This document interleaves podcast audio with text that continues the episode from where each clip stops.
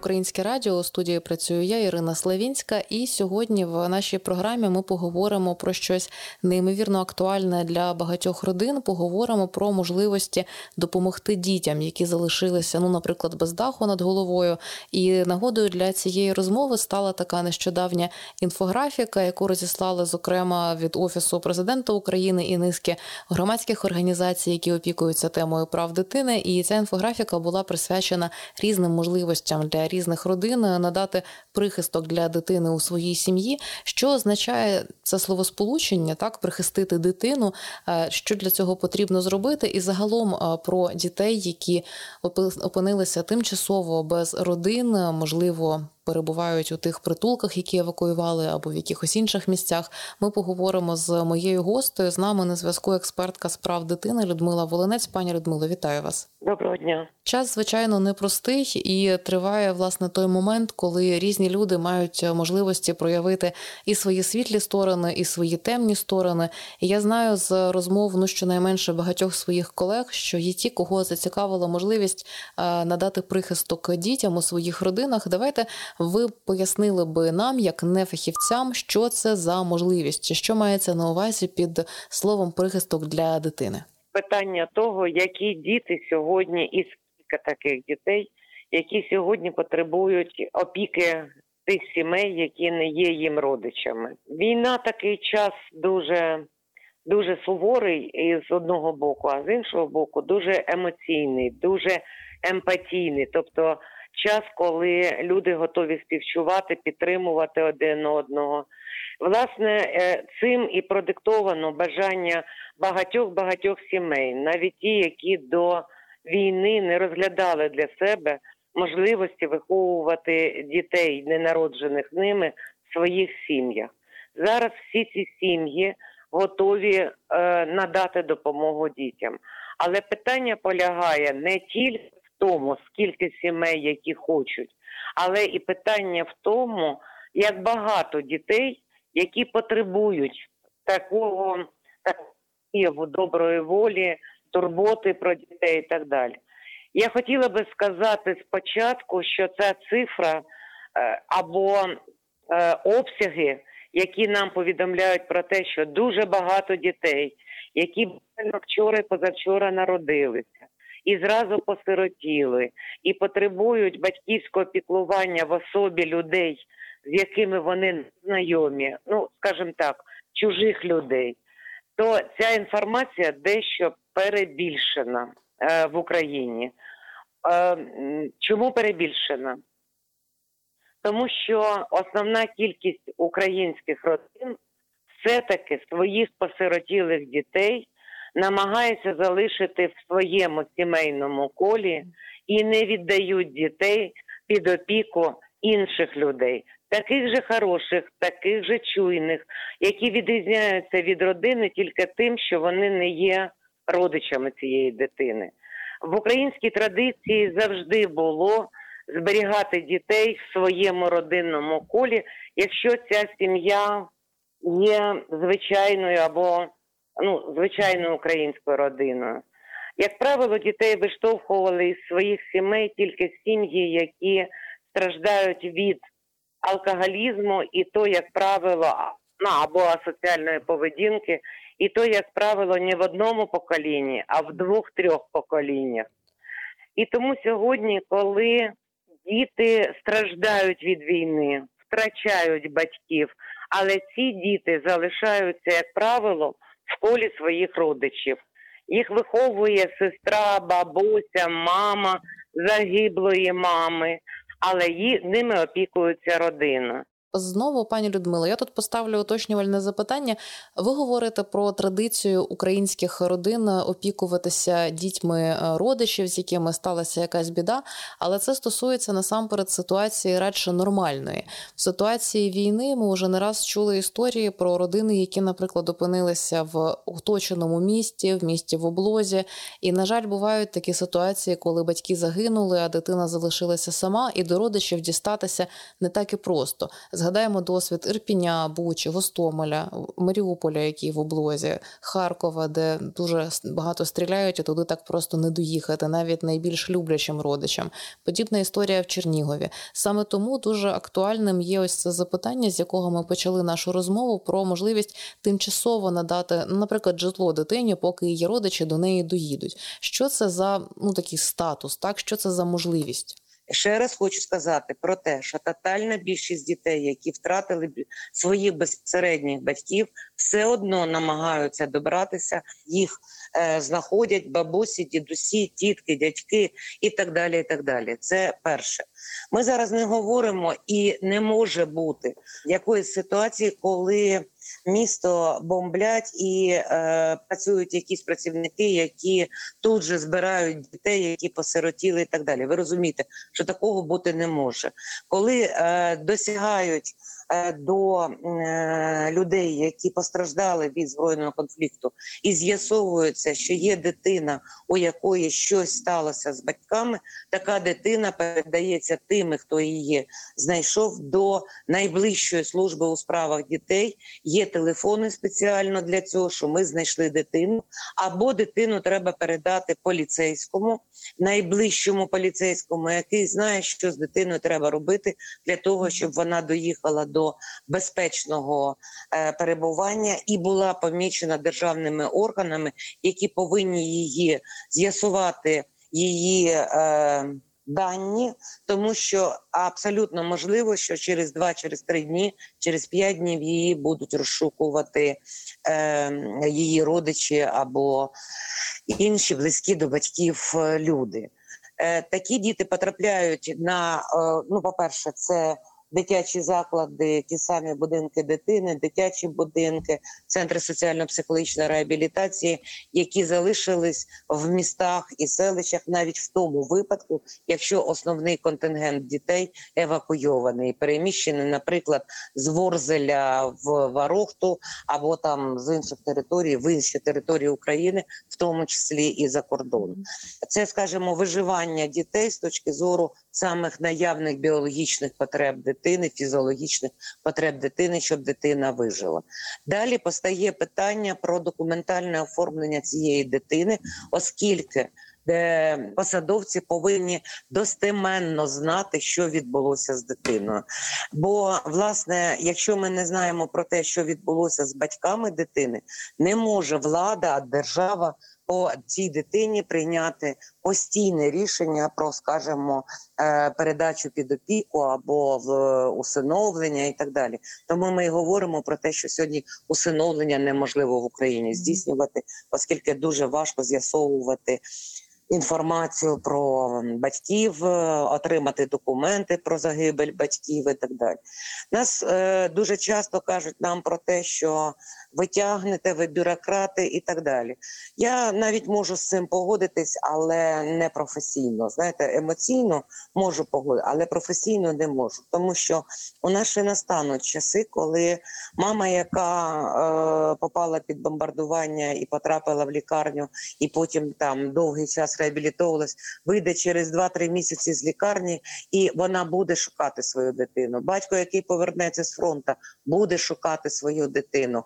І я думаю, що ніхто без нас не хотів, щоб ці люди, і і ми так само на їх місці, щоб ці люди почули, що, вибачте, ваша дитина усиновлена, чи то в Німеччині, чи то в Україні, чи то ще десь. І тому е, це перше, що ми повинні убезпечити дитину від е, загрози війни і е, загрози зброї, і друге розібратися, хто ця дитина, і друге, де її батьки.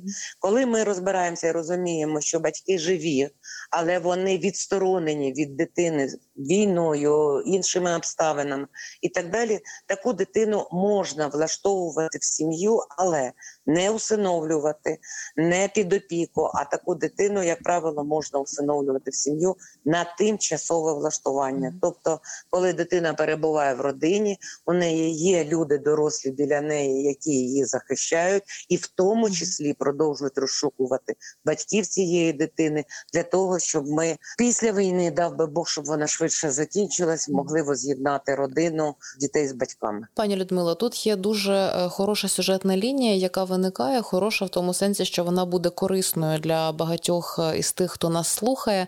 Якщо доросла людина йде вулицею міста або селища чи села, де проживає, і бачить одиноку дитину. Ну, в селі, напевно, складніше знайти незнайому дитину, бо переважно мешканці всі всіх знають. У великих містах, таких як Маріуполь, скажімо, ймовірність така може бути, що ось незнайома дитина сама на вулиці. Що доросла людина може і має зробити в такій ситуації, наприклад, підійшовши до дитини і почавши розмову з першого запитання, наприклад, де твоя мама? Як правильно вчинити? Ну, по-перше, треба вжити будь ну всіх можливих заходів для того, щоб від дитини отримати об'єктивну інформацію, де мама, щоб не сталося так, що мама повернулася за рогом, вирішує якісь нагальні питання, а дитину хтось возьме за руку і поведе. Таке так само буває. Але для того, щоб правильно надати допомогу дитині, її треба з'ясувавши, що вона одна там не будемо зараз якісь там цитати вживати, доставити дитину до найближчого поліцейського, до найближчого і сказати про те, що ця дитина, от я я знайшов дитину на вулиці, вона розгубилась. Далі поліцейські знають, що з цим робити, кому передавати інформацію, кому передавати дитину. Далі починається співпраця поліції і служби справах дітей. Може статися так, що Поруч буде якийсь заклад дитячий, не знаю, може бути служба у справах дітей. Ну дві інстанції, через які заходить ця інформація, це поліція і служба у справах дітей. Найпростіше, напевно, в багатьох випадках це поліція. Є ще один вкрай важкий варіант. Це тоді, коли знайшли дитину, і ти не здатен шукати в цей момент, бігти до поліцейського, ще щось. Ти рятуєшся саме, рятуєш собою дитину. В такій ситуації треба зателефонувати або на в поліцію, або в службу у справах дітей і повідомити все, що вам відомо про цю дитину. Сказати, дитина у мене вона перебуває отут і отут. За цією адресою дитина зі мною. Будь ласка, дитина про себе сказала, що його звати Петрик, що йому три або чотири роки, і так далі. Тут найскладніше буде по маленьким дітям. І в цій ситуації, якщо ви знайшли таку дитину, треба звертатися в службу у справах дітей і описувати все, що вам відомо про дитину, де це було, під час чого було, в чому була дитина одягнута, в чому була заплетена, не заплетена і так далі. Тобто максимально, а ще краще сфотографувати дитину в тому вигляді, в якому ви її знайшли. Бо там і одяг, і косички, і багато багато чого буде свідчити ну ідентифікуючим моментом, тобто тоді, коли будемо шукати батьків, і вони будуть шукати. Я хочу сказати людям, які м, цієї цим м, турбуються або попали в ці ситуації. Є чат-бот під назвою Дитина не сама на телеграм-каналі Дитина не сам. Там є спеціальна рубрика. Е, Я знайшла дитину, і от пропонується туди викладати інформацію, давати в тому числі давати свої координати, що дитина така, то перебуває у мене. Там же є е, рубрика для батьків, які шукають дитину. Я втратила дитину, і от в цій я втратила дитину. Там допускається в тому числі публікація фотографій і так далі. В ситуації я знайшов дитину, там немає фотографій. Там після контакту службовців з тими, хто знайшов, буде ну іти ідентифікація. А в ситуації я шукаю дитину, там пропонується розмістити фотографію для того, щоб можна було простіше знайти дитину, ідентифікувати її. В цьому ж боті, про який ви вже згадали, я до речі нагадаю, mm -hmm. як він називається Дитина не сама бот. Набираєте латинкою, так як чуєте, дитина через дві літери Y, дитина не сама. Називається цей бот, і в ньому ж є можливість для тих родин, які мають таку спроможність, надати, е, наскільки я розумію, вільну кімнату і отримати можливість тимчасового влаштування дитини до них у домівку, в домівку до таких родин. Пані Людмило, давайте розкажемо, як це можна зробити. Ось я зараз перед очима бачу таку покрокову інструкцію Можливо, ви могли би розповісти, що для цього потрібно зробити, і в яких ситуаціях таке потрібно робити. Там зовсім мова не йде про кімнату, і, і це не базове, і так далі. Мова йде про те, що у нас є юридично така форма, яка називається юридично. Вона прописана в постанові Кабміну. Це тимчасове влаштування дитини. Мова йде про те, що інколи для дітей, які вже втратили батьків, треба певний час для того, щоб зібрати документи, пересвідчити, що з батьками і так далі. Отаких дітей ми пропонуємо, якщо у цих дітей є хрещена, родичі, знайомі, мами, тата і так далі. Ми пропонуємо таким людям взяти дитину на тимчасове виховання. Ну тобто не віддавати її в чуже середовище, а взяти на виховання таку. Як правило, це ті люди, які знають дитину. Разом з тим, до того як вона посиротіла або втратила батьківське піклування. Разом з тим, у нас зараз піднялася хвиля людей, які хочуть взяти тих дітей, яких вони і не знали до того, поки діти не залишились одні. Е, ця форма влаштування називається тимчасове влаштування дитини. Зараз її е, в публікаціях поширених і так далі е, назвали як прихисток до дитини для, для дитини, але це не є прихисток для дитини, це не є нова юридична форма. Це літературна назва, але не нова юридична форма. Літературно це називається прихисток, прихисти дитину, прихисток для дитини. А юридично це називається тимчасове влаштування дитини. Таку дитину, як правило, бере родина, надає е, юридично оформляється це наказом служби у справах дітей за місцем проживання цієї родини, яка готова взяти таку дитину, і питання там е, не в окремій кімнаті або там ще щось. Питання в тому, що для таких дітей сім'я ну, зобов'язується, береться створити достатні умови для того, щоб дитина мінімально страждала від того, що вона залишилась без батьків, і щоб були реалізовані її базові потреби у безпеці, захисті і так далі. На жаль, Україна зараз не може підтримати такі сім'ї, і люди, які беруть дітей на тимчасове влаштування, беруть дітей на своє утримання. Я маю на увазі за свій кошт, бо сьогодні держава не здатна, ну не, не, не може зараз підтримати такі родини. Оце мається на увазі тимчасове влаштування яке літературно на ботах, чатах і так далі. Е, часто називають прихисти дитину як ну як літературний вислів, але юридична форма тимчасове влаштування. І ось е, з таким самим літературним висловом е, прихисток дітям з України я бачу пам'ятку для іноземців, які хочуть надати таку можливість для українських дітей, надати їм можливість тимчасового влаштування. Що ми про це знаємо, пані Людмило, з точки зору процедур? Немає тимчасового влаштування для іноземців. Е, українське законодавство не утримує такої норми. Мало того, ті діти, які евакуюються сьогодні, я маю на увазі ті діти, які евакуюються з України. України організованими групами без супроводу батьків, а у супроводі працівників там закладів і так далі. Ті діти, які евакуюються з батьками, там батьки вирішують всі питання, і ми про це не говоримо.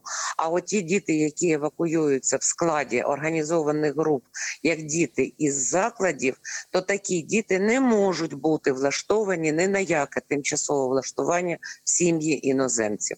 Просто не можуть бути влаштовані. Принаймні Україна а не має такої юридичної форми, а всі українські діти повинні влаштовувати за законами України.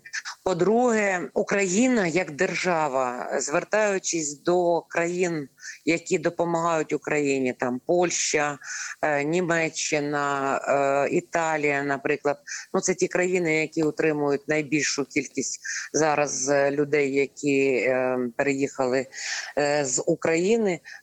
Є офіційне звертання про те, що ми просили би дітей не розміщати в сім'ї, а просили би все-таки зберігати ці колективи, які виїхали разом, е, і щоб разом вони були в тому розумінні, що Україна не зможе перевірити безпеку дитини по багатьом багатьом сім'ям, в яких вони будуть перебувати.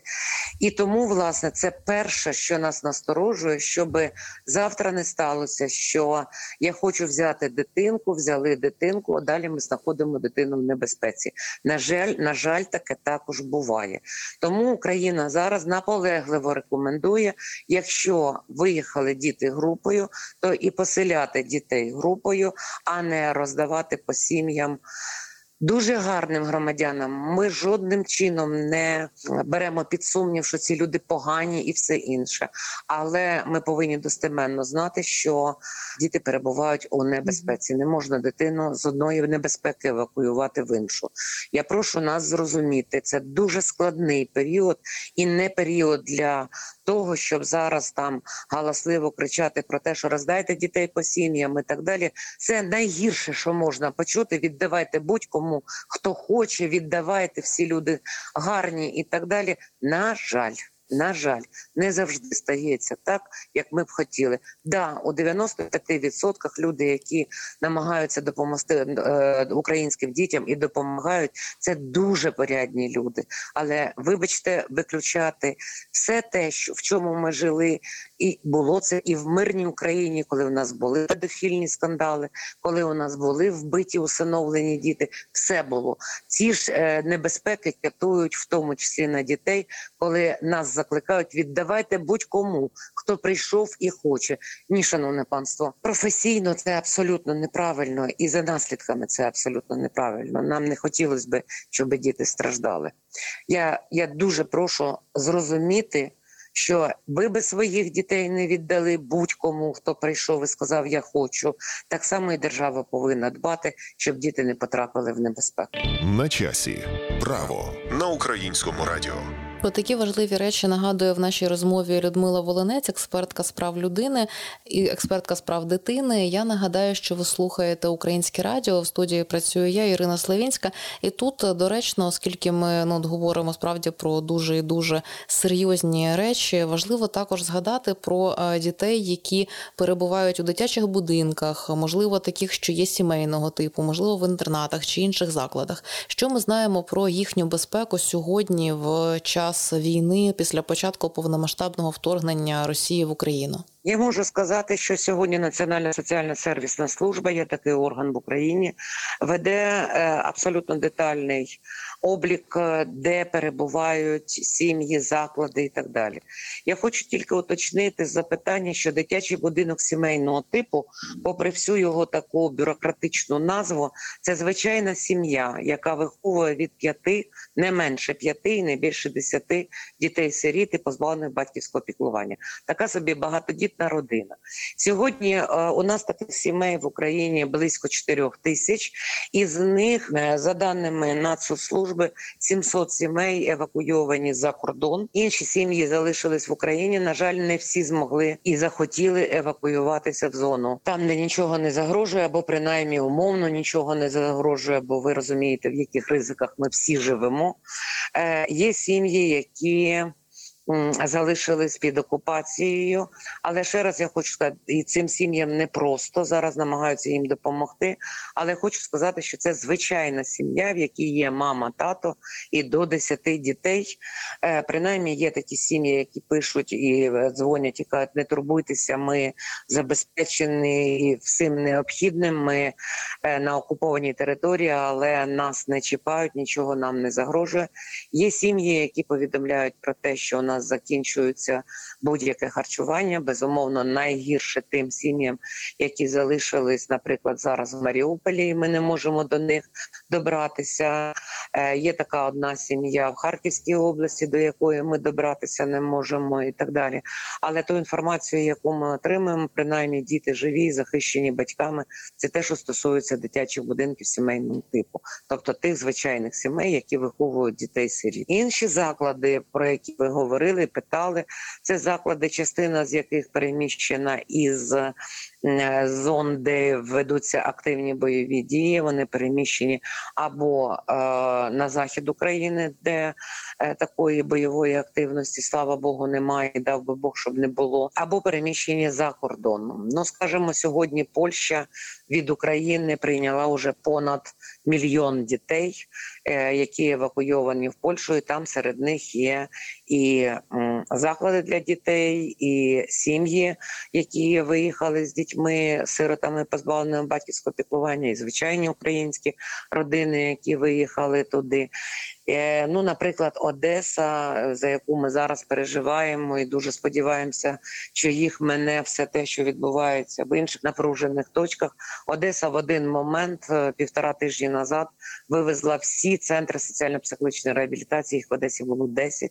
Вивезла всі їх за кордон. Вони зараз у Польщі. 700 дітей живе в Польщі. Одним поїздом були евакуйовані. Таких прикладів я можу назвати багато. Разом з тим, у нас залишились, наприклад, в Харківській області. У нас зараз є це ну, центр соціально-психологічної реабілітації. Те, що ми раніше називали притулками, щоб було простіше зрозуміти, вони не можуть бути зараз евакуйовані. На території Херсонської області є е, Херсонський ц- ЦСПР, який перебуває на території села Степанівка, де е, окупанти е, майже щодня влаштовують обстріли. Буквально вчора вийшов директор на зв'язок і сказав, що на два тижні у нас ще є продукти харчування. Нам херсонці зносять, підтримують нас і так далі. Так само в Каховці є ЦСПР, який вчасно не виїхав. Так що, на жаль, на жаль, е, е, з одного боку є території, які області я маю на увазі військово-цивільні адміністрації, де дуже швидко зорієнтувалися і дітей евакуювали. Я ще раз кажу, от як Одеса, наприклад, ще слава Богу, не, не, не було і дав би Бог, щоб не було активних дій, але діти вже давно в Польщі. І є регіони, де йдуть активні бойові дії, і діти перебувають на території цих. На жаль, таке є, і, і це біда наша велика. Пані Людмило, чи можемо ми е, сьогодні дати так само пораду, прикладну пораду родинам, у яких є діти, які перебувають в тих містах, де сьогодні особливо гаряче, де тривають обстріли, де тривають бомбардування? Можливо, є якась інструкція чи порада, яку батьки можуть дати дітям про те, як правильно себе поводити в таких ситуаціях? Можливо, батьки можуть щось зробити таке, щоб забезпечити трохи більший захист, наскільки це взагалі можливо в умовах війни для своїх дітей. Що би ви могли порадити? Знаєте, я скажу вам так: е, зараз е, ну кожен другий дає поради.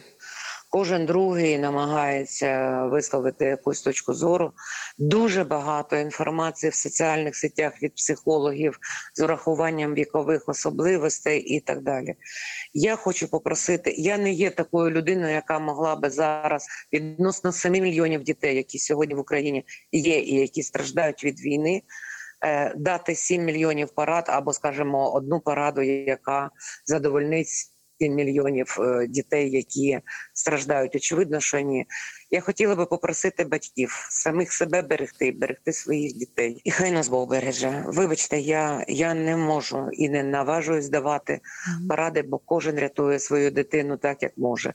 А ми всі абсолютно свідомі, що треба максимум уваги приділити тому, щоб і собі не потрапити в небезпеку, і дітей своїх не наразити на небезпеку. Тому, вибачте. Крім побажання нам всім вижити якомога меншою ціною, заплативши за всю цю за всю цю вакханалію і дурість, давайте будемо виживати, рятувати себе, дітей, найближчих, всіх людей, які нас потребують нашої допомоги. Абсолютно з вами згодна. І все ж таки ще перепитаю на цю ж тему. Е, Новини облетіла е, історія хлопчика, котрий самостійно доїхав до українського кордону, маючи на долоні написаний телефон своїх родичів, які проживали за кордоном. І це може бути один з таких лайфхаків, які можуть запозичити родини, передбачити якесь надійне місце, де можна записати контакти родичів. Правильно я розумію? З точки зору інформації про дітей, я би радила всім, всім, всім дітям, маленьким особливо, знайдіть, будь ласка, десь в карманчику, попідшивайте дитині, де її батьки, хто батьки, контакти батьків. Да, це надзвичайно е, слушна річ, тому що дитина може перелякати, перелякатися, дитина може заклякнути. Я, наприклад, доросла людина, і коли я чую, що наді мною літають е, літаки і бомбардують, я просто клякну. Просто, хоч я і доросла людина, розумієте?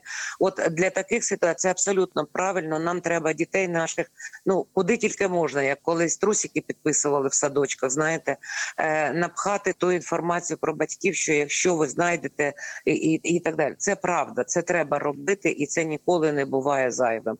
Я хотіла би в тому числі дати певні коментарі стосовно тої дитини, яка переходила кордон, начебто тільки з телефоном на руці. Це не зовсім так, але тим не менш е, дуже слушна е, вийшла нам порада всім, що, будь ласка, е, свою дитину підписуйте, повідомляйте про себе якомога більше в тій одежі, якій вона перебуває. Бо знову таки, коли поліція, коли звертаються до поліції, кажуть, що це загублена дитина, то найперше, що робить поліція, ну обстежує буквально все тіло дитини, одяг і все, бо може, хоч десь, хоч якийсь натяк на те. Чия це дитина, тоді вже простіше шукати. Да, ви абсолютно праві. Так само, як і треба би людям і дітям, які мають постійне споживання ліків, в тому числі закладати, що дитина постійно потребує такого то лікування, вдається там раз три раз там три рази в день, і так це так само не завадить, особливо якщо ваша дитина перебуває на постійній якійсь терапії і так далі. Тобто, оця життєво важлива інформація, або там, що дитина є алергіком стосовно якогось там певного лікування, що не можна цій дитині там для знеболювання робити те або інше. Е, Це інформація, яка завжди пригодиться. Дякую дуже. Я нагадаю, що з нами на зв'язку була Людмила Волинець, експертка з прав дитини, і ми говорили про те, як е, можна більш ефективно, наскільки це можливо у воєнні часи, захистити дітей, про те, які існують можливості для прихистку дитини, і так само про те, які найбільш поширені практики щодо захисту тих дітей, які могли опинитися самі або втратили батьків, або загубили батьків. Дякую за те, що розповіли всі ці важливі деталі. А всім, хто нас слухає, нагадаю, що ви слухаєте українське радіо. У студії працювала я, Ірина Славінська.